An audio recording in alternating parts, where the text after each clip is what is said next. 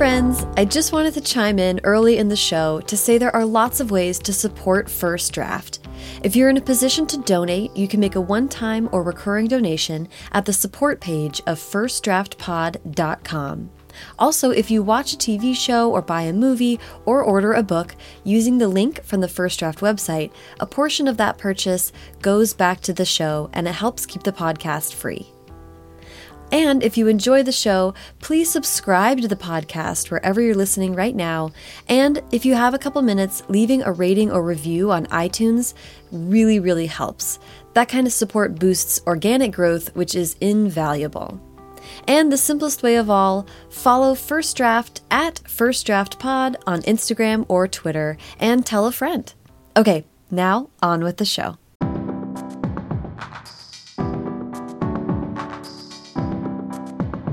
Welcome to First Draft with me, Sarah Enni.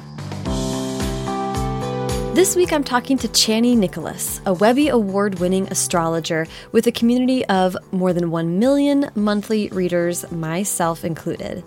This month, Chani released her first book, an instant New York Times bestseller, You Were Born for This Astrology for Radical Self Acceptance. I loved what Chani had to say about how writing horoscopes with their inescapable deadlines helped her develop her writing skills, how our astrology zeitgeist moment is really part of yearning for the roots of what makes us human. And uh, amusingly, she reads the hell out of me and my chart. so please sit back, relax, and enjoy the conversation.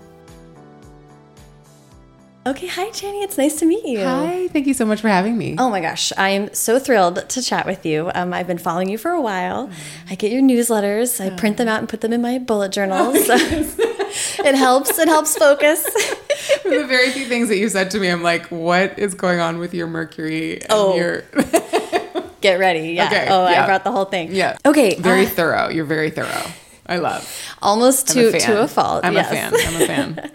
I am, uh, as I mentioned, I really want to talk about your writing life and your life as an artist and coming into your own and expressing yourself that way.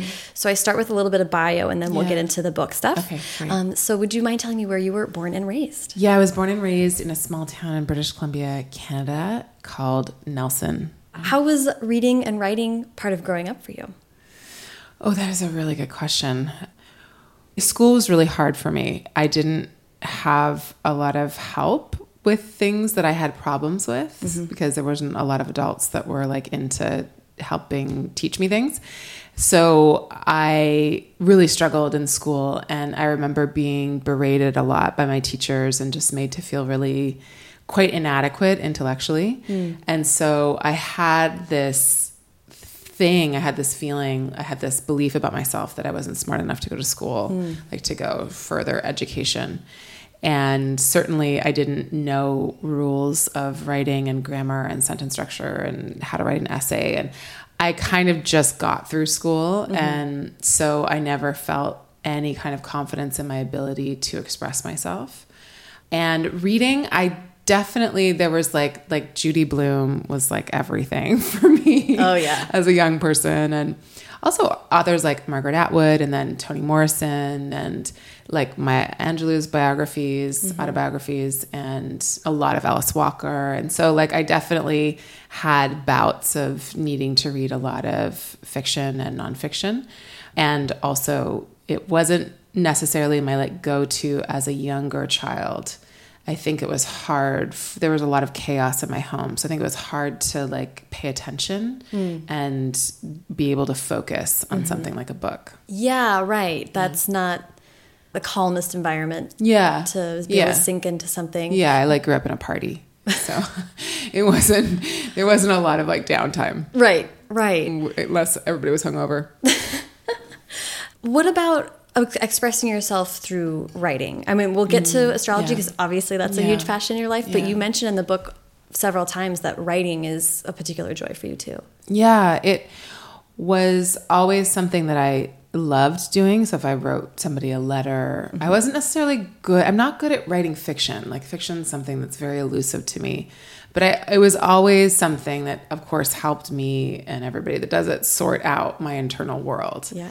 And that was also always really important for me. And so I didn't have a structure of doing it until I started writing horoscopes. And then mm the timing of the of how you publish them put me into a structure that demanded that I develop my writing skill. Right. That's yeah. actually yeah. I hadn't thought about that. Yeah. That's such a good point. It's actually really good if you are want to be a writer or if you are a writer and you also are into astrology. It's like this way of like, well, the moon is the moon. Like it's not going to wait for me. Like I got to get these things out. And so the amount of times I've been up at night writing for a deadline and being like, I can't believe I have to still write seven more horoscopes in this day. You know, it's like how do I get into that, you know, specific frame to be able to yeah. gather the words, but it has to happen in the time it has to happen. Well, yeah, and that's yeah. not even a that's not even a, a, deadline who you can email. Yeah, yeah. and get yeah. an extension yeah, from. That's there's the no hardest deadline there is. Yeah, I definitely have missed a couple though. um so I, would love to hear, you know, you covered this a little bit in, in the book and we are talking about uh, You Were Born for This, which mm. we'll talk about in more detail. Mm. But I'd love to hear the story of how you were introduced to astrology mm. and how that was was or wasn't a part of growing up and identity forming for you. Yeah, I mean, I write in the book about being really young, like eight, and having a person look down at, at, an ephemeris, which is a listing of the planets, the day I was born, and she came up with a judgment about me and it felt very affirming. But the first time i had an actual astrological chart reading i was 12 and my whole new family formation so my dad and his his newest wife and her children and me all got a reading together. Her my that stepmother's mom got a reading for us. She was a reiki master is and um, had a lot of friends that, that, were psychics and astrologers and tarot card readers. And I didn't know astrologers when I was in Nelson. Mm-hmm. My dad then moved to Toronto with this woman, and that's where my astrological journey began. Was in Toronto, and th- there wasn't a lot of like astrological access in Nelson, though. If there it wouldn't have been out of the norm. Right. So it wasn't it wasn't far from the kind of environment I was growing up in. Right. So, so it didn't seem out of step no. or like a shock, but yeah, but it yeah. was the first time you had. I was the first time anybody spoke to me in the language, and I just remember being like, "Oh my god, what is she saying?" Like I was so captivated by it and felt like it was a language that I knew and needed, and mm. you know, I and she had written a book, and I got that book and been yeah. reading about it ever since. Yeah, yeah. I love that. I love, and you said I think you said in the book your dad bought that book for you. Yeah, which makes it extra yeah. special. I think. Yeah, especially at that age. I want to talk to you. I I personally feel like it was really great to read the story of how you didn't Mm. you knew your passion, mm. but you didn't like lock into it right away. Yeah, I think we, time. yeah, we see a lot of stories about people that are like, yeah. Fresh, fresh, out of the gate and, yeah. and, jump into something and just skyrocket right up. Yeah but i really love i love your story. Do you mind sharing? Spent a couple decades suffering. Really good at suffering. I'd love to just kind of hear you talk us through like this period of sort of searching. Like what was that time like for you? It was full of a lot of misery experimentation fun just throwing myself into the world in ways I'm I'm a big risk taker and I don't think things through very thoroughly before I do them necessarily and so I'm kind of always down for trying something out.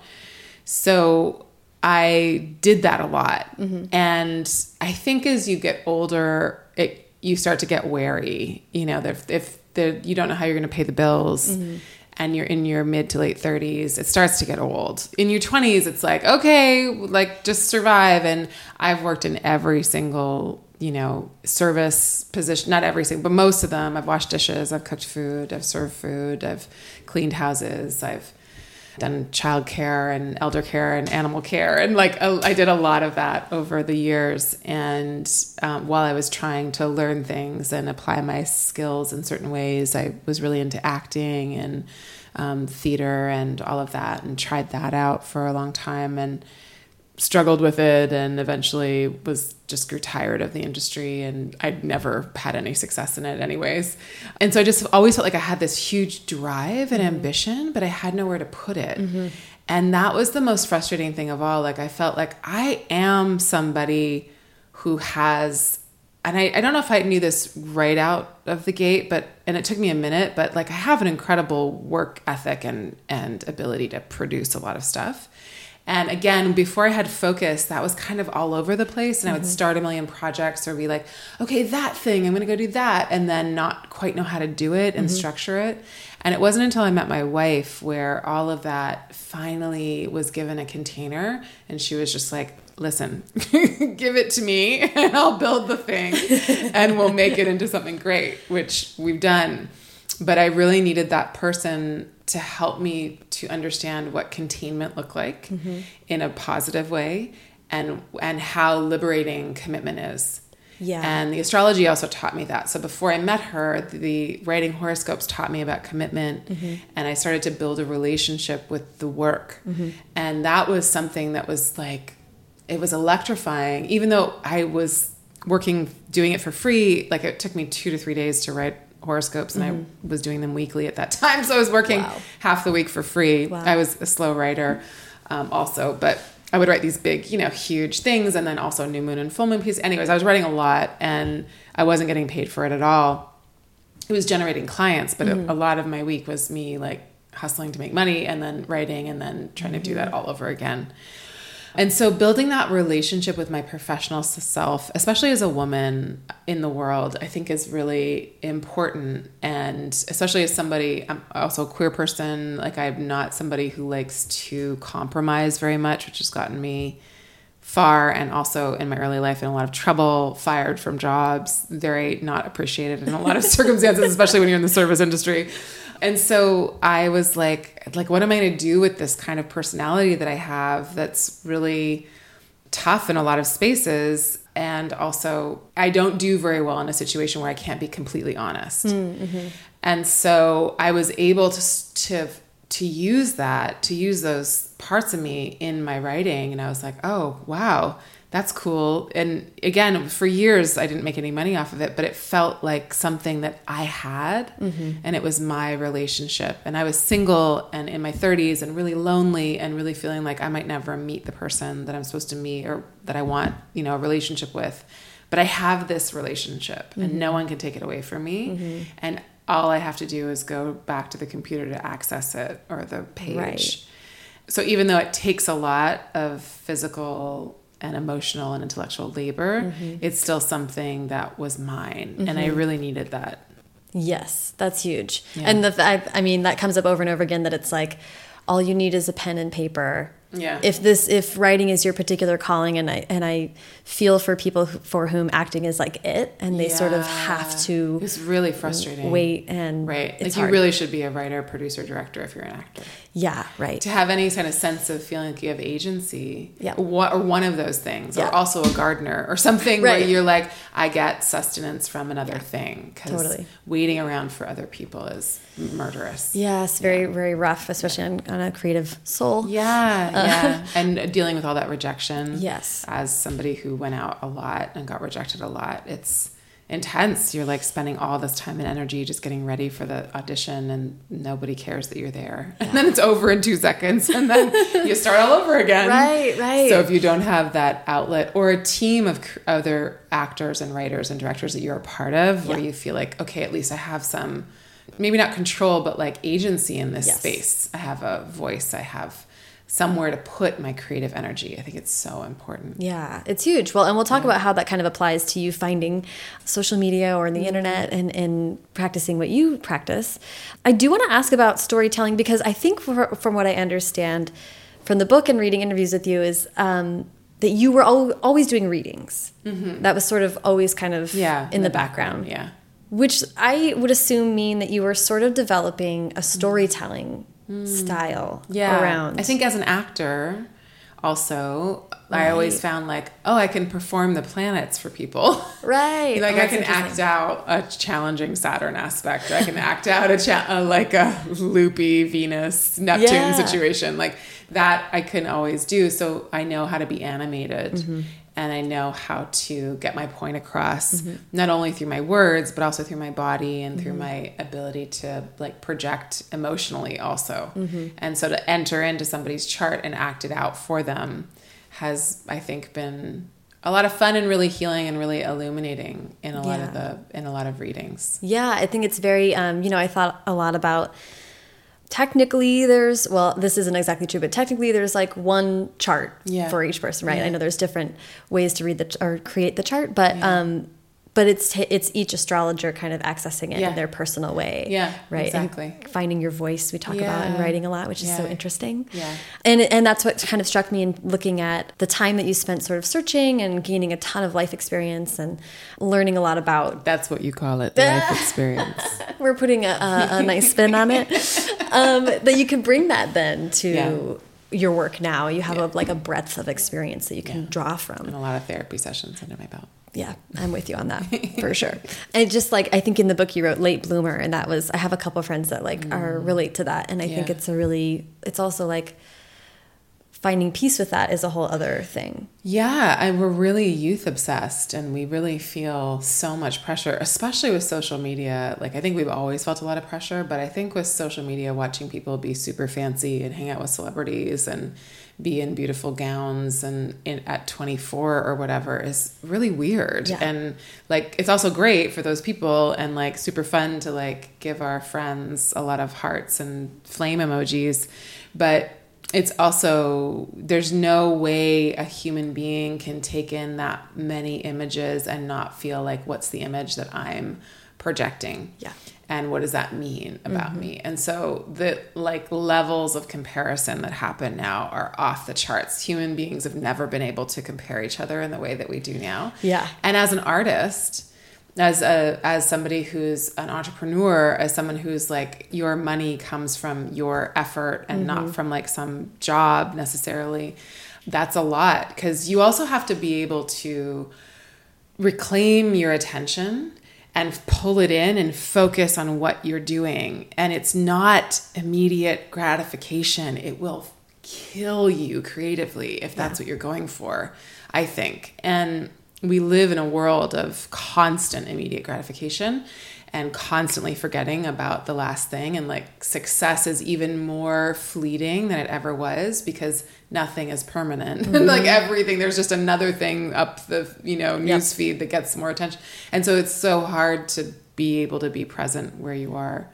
um, i think i got lost in your No, question. no, I love that. That's all. That's all adding to it. But um, I'm, I'm, I'm also just like really relating to that. Yeah, Yeah. On, being an entrepreneur is like you need that. You yeah, need you to do. be outward. You do. You do. And everybody needs gratification. Everybody Yeah. needs to be seen and witnessed, and and you needs. You need accolades. You really do, Yeah. in some way, shape, or form. But if that's where your sole attention is, you're screwed. Yeah. and you're so is your art. Yeah, totally. Um, and we're talking about like types of accolades, right? Like, Yeah. like I look at my inbox and I'm like, inbox zero. Oh God. Well, what does that? What does that mean? You know what I mean? Like, I'd rather have 15 unread emails than like have written 2,000 words. You can have mine. I'll send Okay, you great. some. Perfect. We'll do a trade. So let's get to discovering astrology, Mm. moving into this space, sort of like cla- reclaiming it for yourself.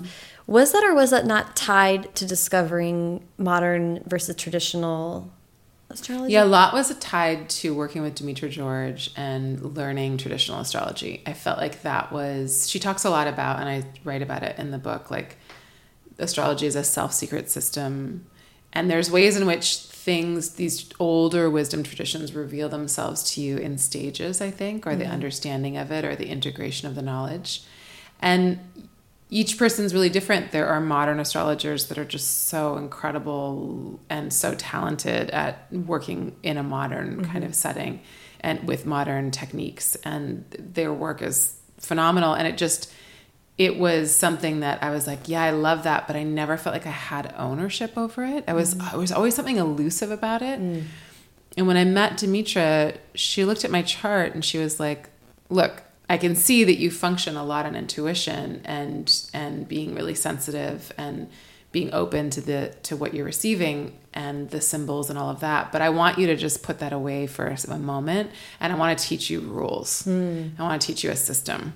And then I want you to add that back on, but I want hmm. you to have the system underneath everything. The containment. Yeah. Yeah, yeah, yeah, exactly. And so for someone like me, I was like, oh, I'm in. and when she started, we started working together, it was just like I had, again, places to put things. Mm-hmm. I was like, oh, that goes there and that goes there. Oh, and then if they're there and there, that means this. And it really, it's like coding in a way. Like everything has a place and you mm-hmm. understand it. And again, it's not the only system, it's not the only way to see a chart. But for me, it just helps me get to the information in the clearest, most direct way possible. Mm-hmm. The question was that, that was oh sorry yeah that was uh, actually I, I feel like just appreciating talking about modern versus traditional is great but then the story of how you sort of came to accept the role astrology was supposed to play for you Oh, yeah. I really was about the ruler of the ascendant. So, the ruler of my ascendant is in the third house, which has to do with writing and teaching, which really helped me give myself permission to be a writer. And it also, that, that house also has to do with rituals. And the ninth house, the house opposite to the third, is the house of astrology. But the third house is related in the way that it was the temple of the moon. So, it was actually the place where you would do ritual it's the actual daily rituals and in in as much it's related to divination systems of divination because of that to me anyways um, and i think you know older literature supports that but the way my chart is structured i was like oh that's it's the temple of the moon and i literally have always talked to people about the new moon and eclipses and full moons like i was always that girl in class i was like it's a new moon today. People be like, what's that mean? You know, it's like I was just always doing that way before I even started reading charts. And so realizing that that's what I, I organically started teaching about the new moon, you know, it was like mm-hmm. all the stuff just happened. And I was mm-hmm. like, oh, it's right there in my chart in a way that felt very literal. yeah right So I was like, and also the planet that rules my ninth house of astrology is in my 10th house of career. Ah. So it pulls the ninth house into my 10th house. So astrology, teaching, traveling, publishing, all that stuff gets pulled into my house of career. And it's important for me to do that. So it wasn't until Demetra walked me through my chart in this way that I was like, oh. And when that became clear, I started to see everybody else's chart with that kind of clarity. Mm-hmm. Because I was like, oh, it really is actually quite simple. It's like that piece is there. So this comes with that, and that goes with that. So how does that work in your life? Do you do ABC? Mm-hmm. And of course, there's more complex layers to it, but that really is the basis of it. So let's talk about i actually am like as a fellow entrepreneur i'm actually mm. interested in how like how does it begin to grow Yeah. you kind of have a moment i mean what was the moment like of saying like i think i'm going to go all in on this and what did it look like kind of Yeah. manifesting that So I was dropping out of my third and final grad program. It cost me $14,000 to do so. I stayed, you know, like a month past the deadline because I was really trying to work it out and really trying to get through it. And it was just so abysmal that I remember sitting down at my desk in my room in an apartment, like a flat in San Francisco. I was renting a room. I was living with like five other people that I didn't really know and that turned out to be not a good situation in a cold, drafty space and in my, you know, 30s and just being like what am I going to do? Like at this this route is not for me. This is not working out. I'm t- I was teaching yoga at the time. It was a kind of brutal way to make money. The way you make money in yoga is you have to teach wealthy people mostly, and it mm-hmm. just was not my bag. And I was really, you know, starting to be like, I hate this and I mm-hmm. don't want to be a part of this. And how else can I be of service in the world and try to, you know, be of use? And I was taking astrology clients and I was writing astrology, and it had been for a couple of years. So I just sat down in my cold, drafty San Francisco room and was like, what if I just put all of the energy into the business? What if I just went all in? Mm-hmm. And I had really no other choice. And it was really the only thing that was working at the time. Mm-hmm. Like I did have a lot of readings and I did have a lot of interest and I was getting a lot of feedback about the writing. And so I just made a big what I would call now like a mind map. I just put all the words on, you know, on paper and put it up on my wall. I was like this is what I want my life to be like. This is what I want my business to be like. This is what I want it to be a container for. And I just had that up for a couple months and it just really, I think, kind of seared into my brain. Mm-hmm.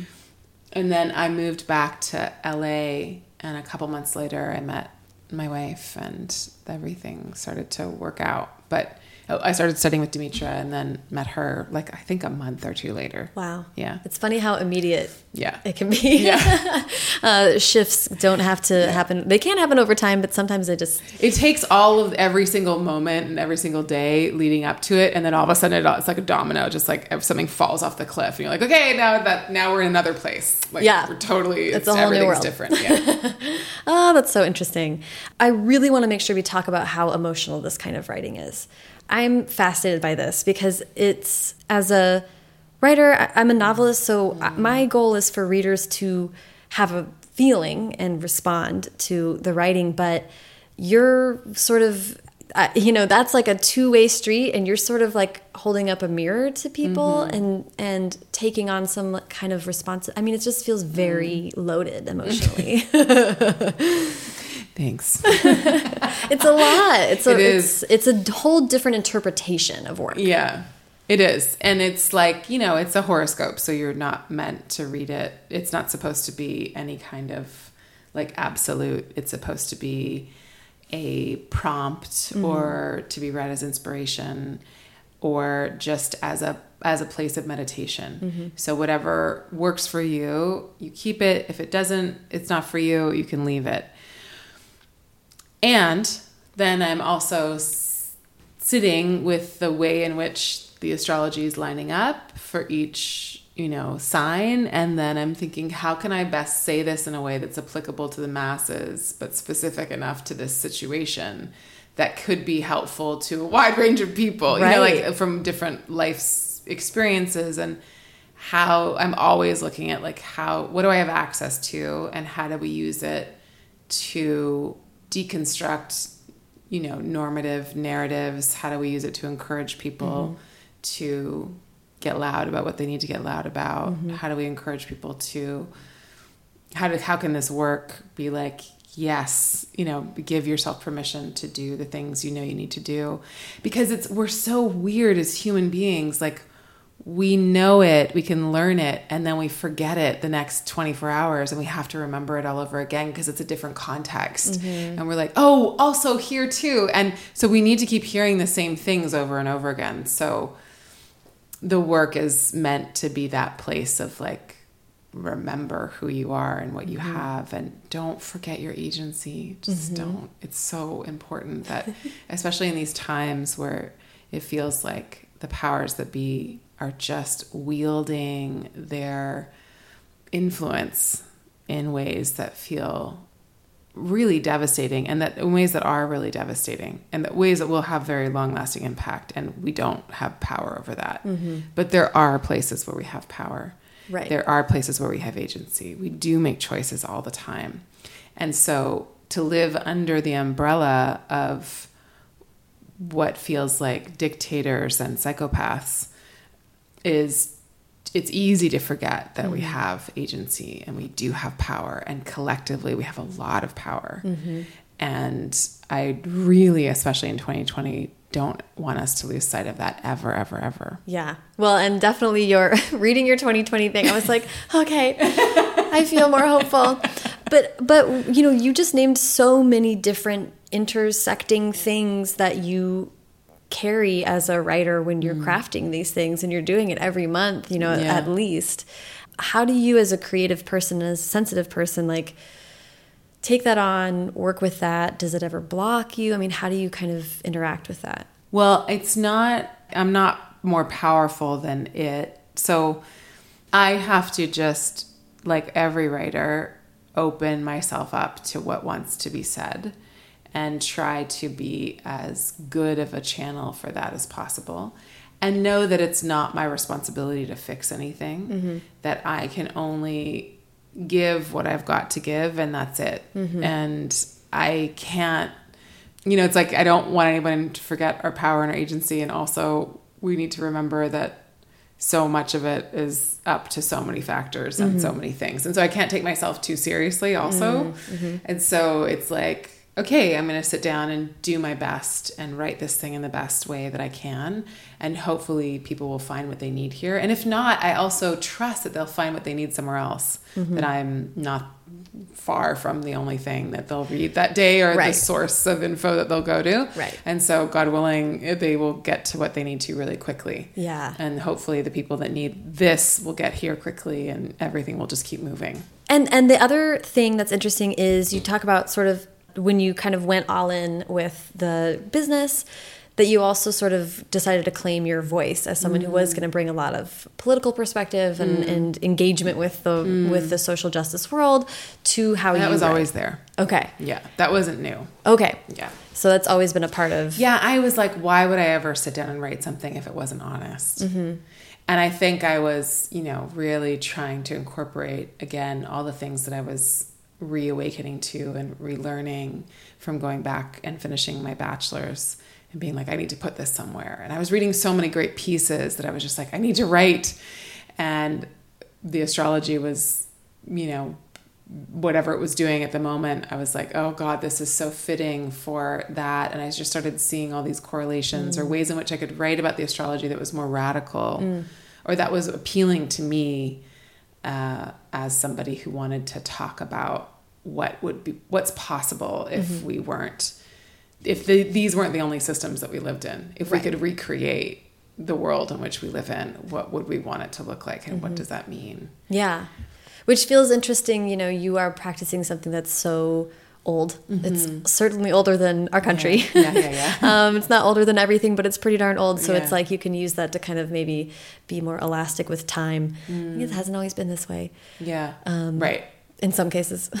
Well, in most, I mean, we've always looked to the sky as a map, not to understand, like, what does it mean to be a Leo, but as a way of being like, okay, we walked southwest and now we've got to walk back northeast. Mm-hmm. And as nomadic peoples, we use the sky as a map, as non, as just traveling people, like, before we had maps, before we had GPS, all that stuff, we Yeah. knew the sky and we knew the seasons by the way things grew but also by where the pattern of the sun mm-hmm. and we knew the moon and the timing and the moon probably most likely helped us count Mm-hmm. learn it, so it was like a way of developing consciousness through watching the rhythm of the sun and the solstices and the equinoxes and the moon and those rhythms that just we notice like oh this this keeps happening this keeps happening. What does that mean?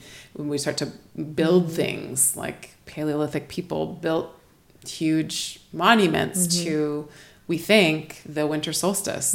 Why because they were so into the sun. Like they were so there with it.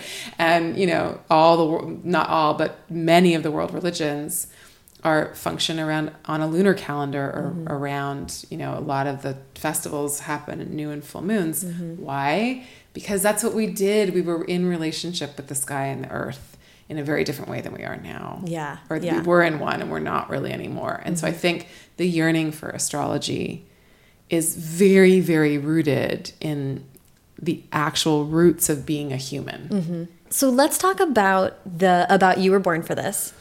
You kind of had locked in, the business was growing. I'm I'm mm-hmm. interested in like what elements started to add into the business and mm. when did a book become part of the plan? Yeah. So I got to a place where I was so booked out with astrology sessions with people that I couldn't really keep up. And I also was like, oh my God, I don't, I've lost control of my calendar. Mm-hmm. And it felt panic inducing. And I kept, again, being like, I'm just saying the same things to people. I'm mm. teaching people the same things in their reading because I want to give them, I always, I just want to give you tools. Like, mm-hmm. I don't want to be the person that knows everything and you don't know every, everything and you have to come to me f- to get the next like installment of the thing. Mm-hmm. I actually want to teach you what I'm looking at so that you can have a relationship with it because I think your conversation with your chart is going to be more interesting than my conversation with you about mm-hmm. your chart. Mm-hmm. And so if you're interested, I want to give you a direct line.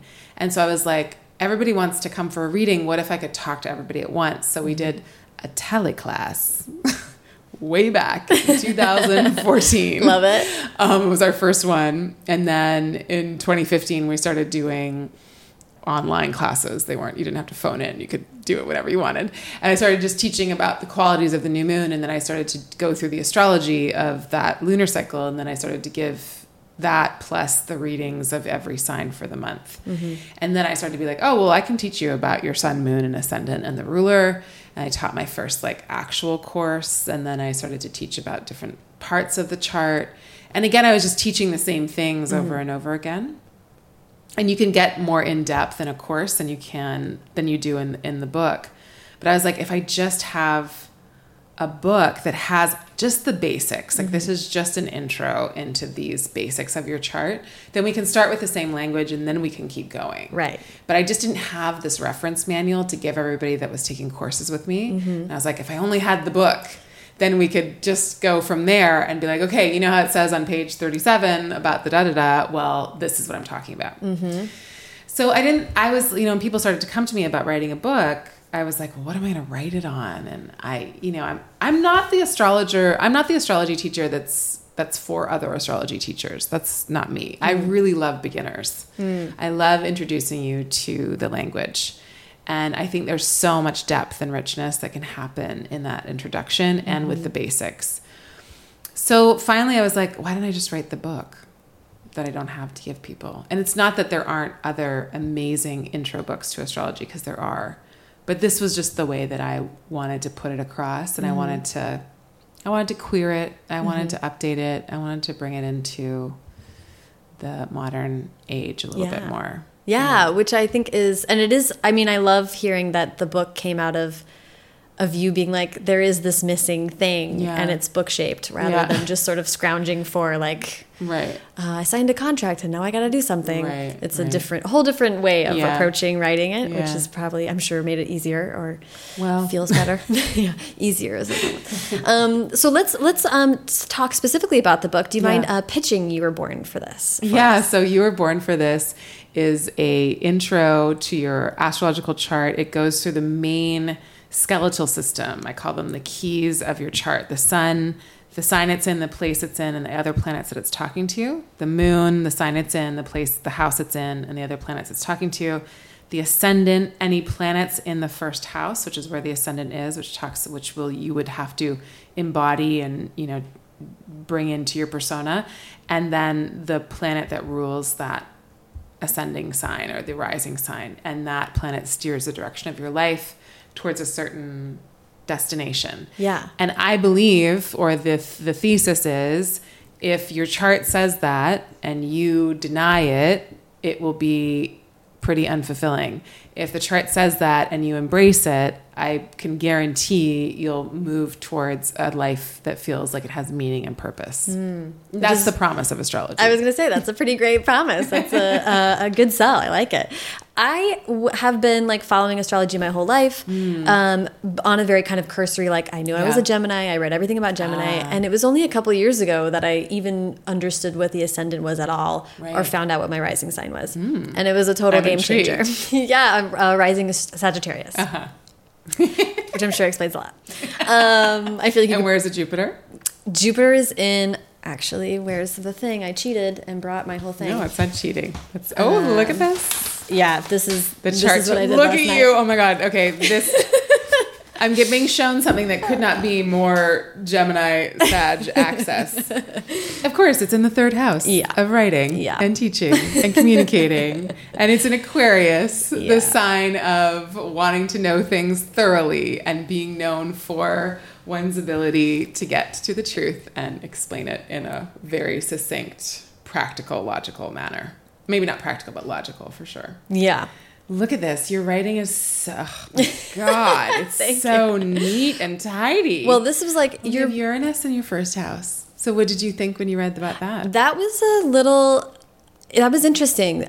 However, it gives you an electric kind of energy and it was like rebellious or or yeah uh, it can be rebellious but it's really about going in and bringing in something new mm, -hmm. like you're here to bring something new in and to look for innovation and mm -hmm. to look mm-hmm. and see like what is old and outdated and how can i flip it break it mm -hmm. and that can seem rebellious to some people right do you know what i mean yeah it's yeah, like status actually. quo okay if it works fine but if it doesn't i'm gonna fuck shit up that's it. I'm working on a new project within the podcast right now that really like as I was filling this out, I was like, oh, this is like really great. but yeah, Moon's in Taurus with Venus. Oh my god, That was you to- work so much. oh yeah, Mm-hmm. Wow. That's such a strong setup though. Is it? Do you have a lot of luck in your in your work life and with coworkers? Uh, a lot of connections? yes. Do you are you do you end up supporting a lot of people? Mm-hmm. Uh-huh. we won't go into it now. yes, I do. Wow. I mean, I feel like I, I knew the book was like working for me when I felt I was like, none of this is a surprise. You know what I mean? Yeah, like, It right. was You're just like, like, that's- yes, yeah. this makes sense. Yeah. But it was, but it's always like that's kind of why I guess I kept coming back to the concept of mirror Yeah. with your writing and everything you're doing because Right. it's so. And you use the word witness a lot, which is Yes. um, which is very powerful. Yeah. And it was like. Um, yeah, I was like, oh, I do. This resonates with me a lot, you know. Yeah. And you have your the ruler of your ascendant Jupiter is in a very nice sextile with Uranus in your first house. So that is just speaks to the kind of innovative truth telling hmm. information that wants to come through and in a kind of shocking or uh, new kind of way. And so the communication and using any kind of elect Yeah, you all know, this all the stuff that we all have the- set all up here. gear is very much about that. Yeah, well, it was like super fun to write, and I just wrote it all out because I was like, "This is like what you were saying, the remembering." I was Yeah. like, "Oh, I think just rewriting kind of what Right. you'd written in there made a lot of sense to me."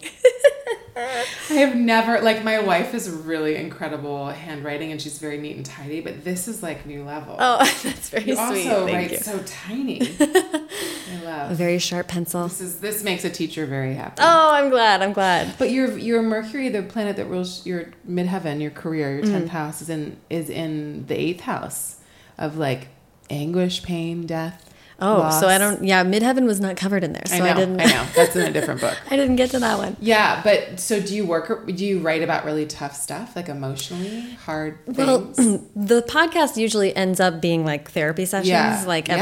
yeah, it would have to be. Yeah, so that's Yeah. like, yeah. Yeah. And I work all the time. And then I write Yeah. novels that are not, so no, nothing's casual.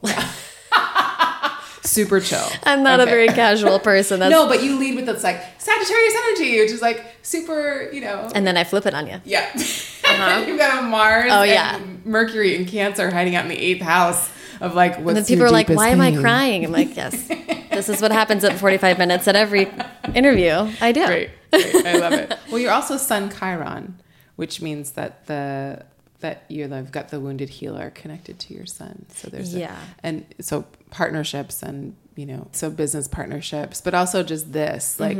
A lot of therapists and whatnot have Mm-hmm. Yeah. that kind of placement, or people that have clients, or just are like Yeah. in the interface. Like this is first house, seventh house setup right here, and that's where you shine. Yeah, you shine in the partnership Yeah. in that way.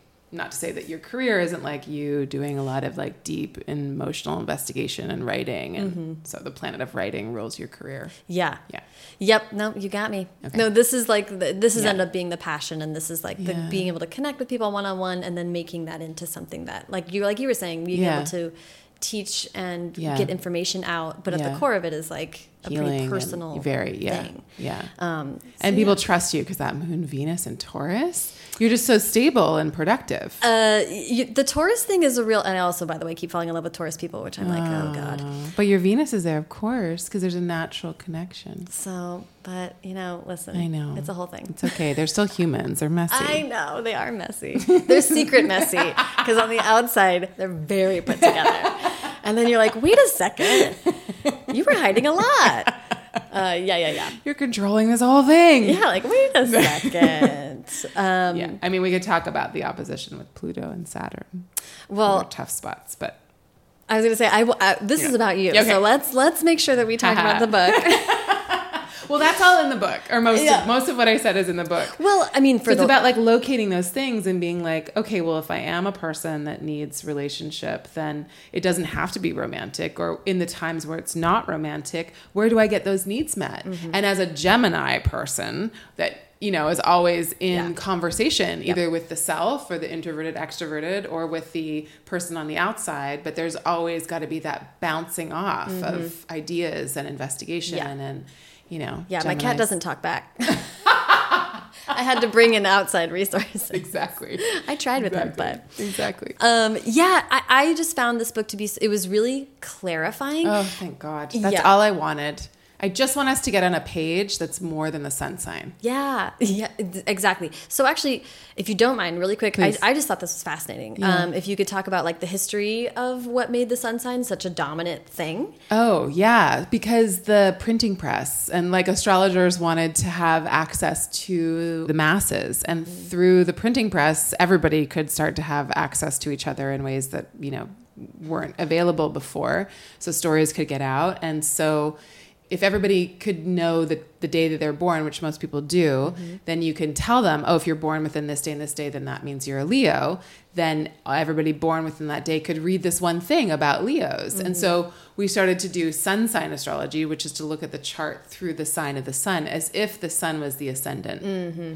And so that was a it's oh, was only ever supposed to be a gateway into having a conversation about astrology. Mm-hmm. I think maybe the original people that did it. There's a, astrologer named Christopher Renstrom who's acted. He was like tons and tons and tons of information. He's studied all of it. He's an incredible historian. But it was just supposed to be. It's only ever supposed to be like a little jumping off point. Mm-hmm. But people mistake your horoscope for your astrological chart, which they are not the same thing. Yeah. At all. And it was really, I mean, because I, I think everybody has friends that are like, mm, I rolly about astrology. And I'm like, yeah, but it's not, you know. like- Yeah. And um, in my life, they're all Leos. So I was like, of course, because there's a lot of stuff that people put on Leos. So I'm like, no, right, you don't want to pick all that up, of course. Right. Um, but there's so much more. But talk about the the emphasis of moon and especially ascendant. I don't think, you know, we don't yeah, talk about the that that much. ascendant is the most personal part of the chart because it is the moment that you take your first breath. We look to the eastern horizon to see the sign, the little tiny piece of the like this specific piece of sky that's rising up over the eastern horizon. And that is the marker of when you said yes to being alive. Mm-hmm. And so that is really it. And that sets up the whole house system for the chart. It tells you, then you can see where all the other planets were, and they all mean something if they're in a specific part of the sky, and then they're all talking to each other. And it's really that moment of saying yes. So when I start out on a journey, there's a chart for the moment I open the door and mm-hmm. begin it. If I open up a business, there's a chart for it because there's a yes there. Mm. And so the moment your spirit came in body and started to breathe for itself, that was the yes. Or breathe mm-hmm. outside of the person's body that birthed you, that was the yes. And that's the moment that we take the snapshot of the sky, and that's the mark of your life. So the ascendant's everything to me the sun is of course life purpose and essential self and so of course the sign that it's in is really indicative of the personality. But and also you can't ever forgo what that rising sign was and and where it makes your sun be. Mm-hmm. Because a leo in the fourth house is very different than a leo in the 10th house right? Like someone's either going to be like way out in the world or really actually need to be very much in at home or mm-hmm. related to their ancestry and and all of that and then the moon is, you know, the moon's so poetic, of course. Any writer, poet will tell you that. But the moon is the most local planetary body to the mm-hmm. earth. It's our neighbor. Mm-hmm. So it really does speak about local life and it mm-hmm. speaks about our relationship to everything else because the moon makes the most contact with all the other planets by by aspect a day. And so the moon is this messenger. Mm. So the moon also talks about writers mm-hmm. because is the one who brings the messages. So you've got the moon in the sixth house of work. Ah, So mm-hmm. I don't know if you deliver information for a living, but you've also got the north node there, which makes it a giant desire for a lot of info mm-hmm. and a lot of relationship building because Venus is there. So I don't know if you meet a lot of people and have a lot of information relaying with others, but that would be a good thing for you to do in your work life. Yeah, yeah. Um, building connections, That's- building. that's it. That's pretty much the deal. making art, making Yes. making things beautiful. Mm-hmm. And so the moon tells us about our body and our emotional life because it is the reflection of the sun's light. And so if the sun is our life purpose and essential self, then the moon reflects that and by being by us being in body. The soul, the spirit needs a body mm-hmm. in this on this material plane. And so the moon tells us like, okay, well this is how you have to do that thing. That big life purpose, that shiny thing you have, that big mm-hmm. like Gemini, like I have information and things and ideas. Well, the moon in Taurus is like, I got to do that in an everyday way at work yeah. through work rituals, through work routines, yeah. through building relationship, through like just waking up every morning and making myself tea and looking at the page, all those little things. Yeah. That's the moon. Which was interesting to creature, learn. Creature comforts, and yes. habits. Home, sensual yeah. stuff, food. Yeah. Um, it was interesting to learn about that a couple years ago because I was like, oh, you talk about containment. I'm like relating so much to that of like the Taurus. recognizing the power that comes from creating rituals or yes. or just noticing what you already do that is a ritual for you. Yeah. Um, a lot of writers talk about like I have to sit down with a mug of tea or I have to do this before I write and I'm like, then lean into that. Yeah. That's a ritual. It's important. Yeah. Very. Yeah, I the moon is our ritual place. Yeah, yeah, which is, is like you said, very romantic yeah. and yeah. very sweet. It is. I want I want to talk about how interestingly you structured this book because it's mm. sort of an intro. Mm. It's sort of like a okay class, like yeah. here we go. Um, we're walking through it, and of course, people that are going to pick up, pick up the book are probably interested anyway.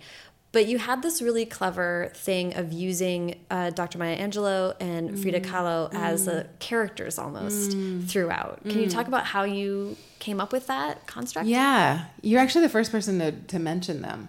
It's really important for me to use people whose body of work speaks for itself mm-hmm. so that I'm not prying into their life. I'm not trying to get into any information that they didn't already give us mm-hmm. willingly. And it's Through everywhere their in their work, in their interviews, yeah. in their own writings. It's published. We all know it. It's public domain. Mm-hmm. And we have a verified time of birth for both of them, very important. And they've already lived their life out. So they passed away. They've left us this thing, this incredible monument to their life. And to me, it's to their astrology chart as well. Mm-hmm.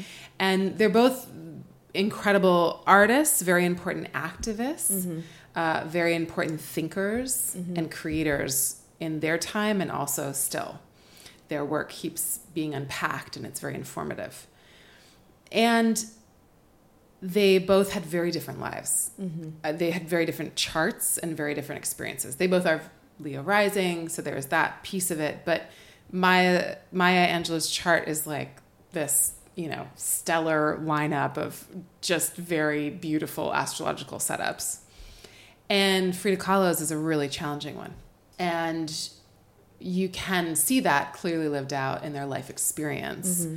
And then they both chose, and not that Maya didn't face a lot of extraordinary obstacles, but they lived out their life purpose in very different ways and very clearly to me through the lens of their chart. So I was like, well, these are two extraordinary examples. Mm-hmm. And Maya Angelou was the first example chart that I worked on with Demetra George. Oh. And so I remember her being looking at Maya Angelou's chart and be like, well, and she would like giggle and be like, well, obviously, you know, she's a writer and a poet and then all these things because mm-hmm. look at her setup. And I was like, oh, what? What is she talking about? And now I can so clearly look at it with these rules mm-hmm. and be like, of course, that's, mm-hmm. you know, God, the sun in its exaltation, in its joy, with Jupiter. I mean, like, how much better could you get mm-hmm. as the ruler of the ascendant? Like, this is clearly marked as somebody who's got to go out in the world and live a huge, big, dramatic, glamorous, you know, teaching, publishing, all the things life. Mm-hmm. And then uh, Frida's is something that is about how we work with the pain and trauma of our lives and what we might do with it. Mm-hmm. And so life is an unfair setup and our charts are also they reflect that. Mm-hmm. And so some of us are, you know, have these intricate burdens to carry mm-hmm. and how we carry them is our choice. And you know, Frida's legacy I think really speaks to that. Mm -hmm. Yeah. And it was really, it was actually sort of, I just thought it was so clever because I was like, oh, I feel like I'm getting to know these two people in this different way. Two right. people that I've known publicly, and the, and right. you're sort of saying like, oh yeah, this is. Yeah. And it was useful to say, well, their setup is this way. It, it really showed your thinking in saying, yes, I'm going to show you that your X is in Y, but mm. here's a, an example of how I interpret that. And so it was mm. just like, yeah. I just thought it was so smart. Okay, thanks. yeah. And then ironic. I feel like it's such a funny thing. Irony in general is mm. almost dead at this point in our world history. Basically. I mean, and then it's also so like wink wink nod nod like well i'm into astrology like i guess yeah, or whatever. yeah. as a Peer cover yeah. I mean, how do you, when I was thinking about about how a lot of people feel free to talk about astrology with a big asterisk to it or mm -hmm. or maybe with open mocking even at times that that must you must encounter this in your work day to day I, I well, I'm mostly at home by myself because I write a lot. Great. I don't engage much with the outside world face to face. Uh, but when I do, I have a lot of people tell me things about signs that I'm just always like, that's interesting. I've never heard that, and That's I have so no funny. idea how that makes sense. They're cool, astro explaining to you. and just, you know, people make signs like a catch all for everything. Uh -huh. It's like, well, you know, they're a Taurus, so they da da da. And I'm like, that's, I literally can't make that connection at all. But okay, mm -hmm. that's interesting that you do. So it becomes like this. I, I said the other day, like someone was doing this thing with sun signs and wanted everyone to go around the room and say their sun sign. And I was like, I just honestly hate this so much because it's like, it's almost like someone's doesn't know you're best friends with somebody and they start talking about them and you're mm-hmm. in the mm-hmm. room and you're like, oh God, I just want to get out of here. Like I say what you need to say, but I don't want to hear it. Yeah. Like I, I, it's not for me. This is not for me to hear. Yeah. yeah. So that's how I feel. Yeah. I, I mean, I'd rather never talk about it in public about astrology in yeah, general. I'd, oh, so I start to like my sometimes my wife will start talking about people's astrology with them, and I'm like, oh my god, kill me now. I just don't want to. I don't want to do it. Yeah, yeah. Well, it's. I want to talk about it in context, and otherwise, I don't really want to talk about it. That makes sense. Yeah. Um, I guess I was also relating to it somewhat. Um, I I write young adult fiction, and a lot of my yeah. write, and so there's some element when people. Yeah. It's not uncommon for people to be like, oh, that's cute. You know, like yeah. you write little books yeah. or, you know, yeah. talk about it in some type, type of way. The most formative time of our and development. Like, like this We're is like any developing less... our relationship to our sexuality, to our self, our identity. Yeah, like Holden think, Caulfield like was 42. Brain is no. literally being molded. Yeah. It's, it's obviously a, uh, frivolous. So, yeah, exactly. Uh, identity forming. Who needs yeah, it? Yeah. Um, so it's so I just kind of was like, oh, there's like, I felt like a kinship there with that. Mm. Like there must be some level of being like, mm. I don't have to justify my art to you or whatever. Yeah, I mean, I just it's not it's not even a conversation about what I do. Mm -hmm. They're talking about some aspect of something about related to what I do, but it's -hmm. not mm-hmm. actually what I do. So I'm always like, huh, I don't know that. Tell me about it. I don't know. Like I don't really know what you're talking about. Interesting. I love so, that. So yeah, I like that. That's a good way to to to side. I like your chart for YA stuff because the third house is also like the beginning of our education. Like ninth house is higher education, oh. and the oh. third house is like kindergarten, preschool, elementary school, high school. That's interesting. Yeah, okay. so I like that. Then it's Jupiter's the teacher, so it's like the wise one or the wisdom holder in that in that also in that space. Oh my gosh, yeah. that's so cool. Yeah, I love that. Did you like that? Did you have a good? Yes, yeah. I'm a rare YA author who like yeah. enjoyed. Yeah, that's what it would school. seem because that's a you have a really good. I mean, you've got a couple things with Saturn. Oh yeah. Okay, but yeah. yeah, no, it's funny. I mean, middle school was like terrible, but high school really kind of took off. I enjoyed it. Yeah. So. so I always wrap up with advice. Please. I'd love to. I mean, we didn't get into too much of it, but the fact that you wrote a nonfiction book, I think nonfiction is incredible. I love it so much. It's also not easy. So I guess I would love to hear your advice for someone who is interested in writing a book like this. It's like instructional, yeah. it's nonfiction about yeah. your passion. Yeah. How did you approach that? Or how, well, what advice would you give to? Oh, get get someone if you're not good at it yourself have somebody who's really good at helping you shape the way that you are teaching something oh interesting my wife did that uh, she was she really she's not credited but she should be and I asked for it, but they didn't give it to me. Uh, but she really edited this book. Oh. This is her outline. I wrote everything down, and she was like, "Okay, cute, babe. You can't just tell everybody everything you know and hope that they can make sense of it let's actually structure this. And I was like, oh, that's a good idea. and she laid out the structure and re, you know, formatted mm-hmm. the things that I'd written into and been like, okay, now write AB, like write these components. And I'd be like, mm-hmm. okay. And so, really, her ability to see how people needed to receive the information mm-hmm. in the cleanest, clearest way possible is her. So for me, it was it's always about partnership. Mm-hmm. The ruler of my seventh house of relationships is in my first house of self. So the, my relationship people have to be able to work with me really closely. Mm-hmm. um, and so she does that incredibly well. It's also her gift is being able to take people's talents and shape them and bring them into form. So I don't have a lot of personal, you know, like besides that, I just I'm lucky I picked the right person to spend my life with. who- That's who- excellent. she really knows how to work me. You know, she's like, okay, if we do this, it'll be successful. And I'm like, okay, and then I'll do the work. Yeah, she gives me the structure. Well, find the right person is always good advice. Yeah, Um, yeah. And just really briefly, if someone was looking to get into astrology in a more serious way, Mm. what what would advice would you have for them? Well, I think it's really good to find a teacher to work with. Mm-hmm. And so there are a lot of teachers, there's schools even, there's programs. If you like read this book and you were like, okay, I got it.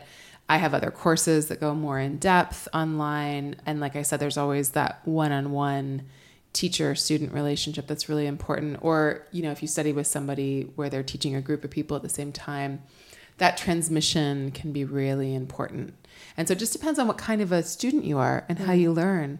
Like, do you need the, like, to be in a room with somebody and to be with them? Do you like to listen to things in the background? Do you like mm-hmm. to study in books more? Mm-hmm. So, really finding the way in which you learn best and then starting to read your chart and read other people's charts and and just like try to get in front of people that you trust that are going to be kind to you but and read what you what you see and mm-hmm. see and just keep asking does that resonate is what mm-hmm. part of that resonates like where am i on where am i off does that make sense Yeah. check in with people but Yeah. It's, like good to start- performing. Yeah. You get yeah, feedback. yeah. Yeah. And like if you read the book and it makes a lot of sense to you for your chart, you're like, oh yeah, yeah, I get it. Then then try your mom's chart or your, you know, sibling's chart or your best friend's chart and see if you can still Hmm. start to understand the logic of it Mm-hmm. and just keep building with different circumstances and different charts and be like, oh, that's what that means. And then you can take also the principles here and Google stuff and see Mm-hmm. what else other interpretations you get. Just knowing like how to frame the info Mm-hmm. is can be really helpful to to adding layers on. Yeah, I love that. Well, Yeah. and this is a great place to start. You were born for this. Uh, Channing, this has been such a delight. Thank, you, so much. so much for having me. Thank you so much to Chani. Follow her on Twitter and Instagram at Chani Nicholas, and don't forget to sign up for her newsletter, where you'll get horoscopes in your inbox on every new moon. I recommend it highly. You can follow me on Twitter and Instagram at Sarah Enni, and the show at First Draft Pod. For links to everything Chani and I talked about in this episode, check out the show notes, which are at firstdraftpod.com. An easy way to support the show is to subscribe to First Draft wherever you're listening to it right now. And if you have a couple minutes, you can go over to iTunes and leave a rating or review there. Uh, I'm going to read a very recent review that the show got. This review was left by Artisty Arts. Artisty Arts says, Love this podcast, so inspiring. I started listening to this podcast when I was struggling to write my first novel during NaNoWriMo. A year and a few months later, and I'm midway through my third draft. Listening to Sarah Enni's thoughtful, insightful questions and hearing about the different journeys of many authors I admire on my way home from work helped me feel inspired to write when I got home from a long day at work and helped keep me writing. That's so incredible. First of all, Artisty Arts, I'm so impressed that you get home after a long day at work and you keep writing. That is truly inspiring, honestly. Um, and I'm so grateful for whatever role the podcast could have played in helping to keep you motivated or, or keeping your energy up. And you leaving that review helps make sure that new listeners find the show, maybe people who wouldn't have found it otherwise. So, Artisty Arts, you're the best. Congrats on the third draft. I know you can do it. If you have any writing or creativity questions that you'd like me and a guest to answer in an upcoming mailbag episode, I'd love to hear from you. Uh, the mailbag episodes have been so fun, and it's a really great way for me to feel connected to you guys, to listeners. I want to really get a sense of what's on your mind. So if you have a question, please call the voicemail box at 818 533 1998 and leave your question there. I really look forward to hearing from you and uh, addressing some of your creativity questions. Haley Hirschman produced this episode. The theme music is by Dan Bailey, and the logo was designed by Colin Keith. Thanks to production assistant Tasneem Daoud and transcriptionist at large Julie Anderson. And as ever, thanks to you, Exalted Sons, for listening.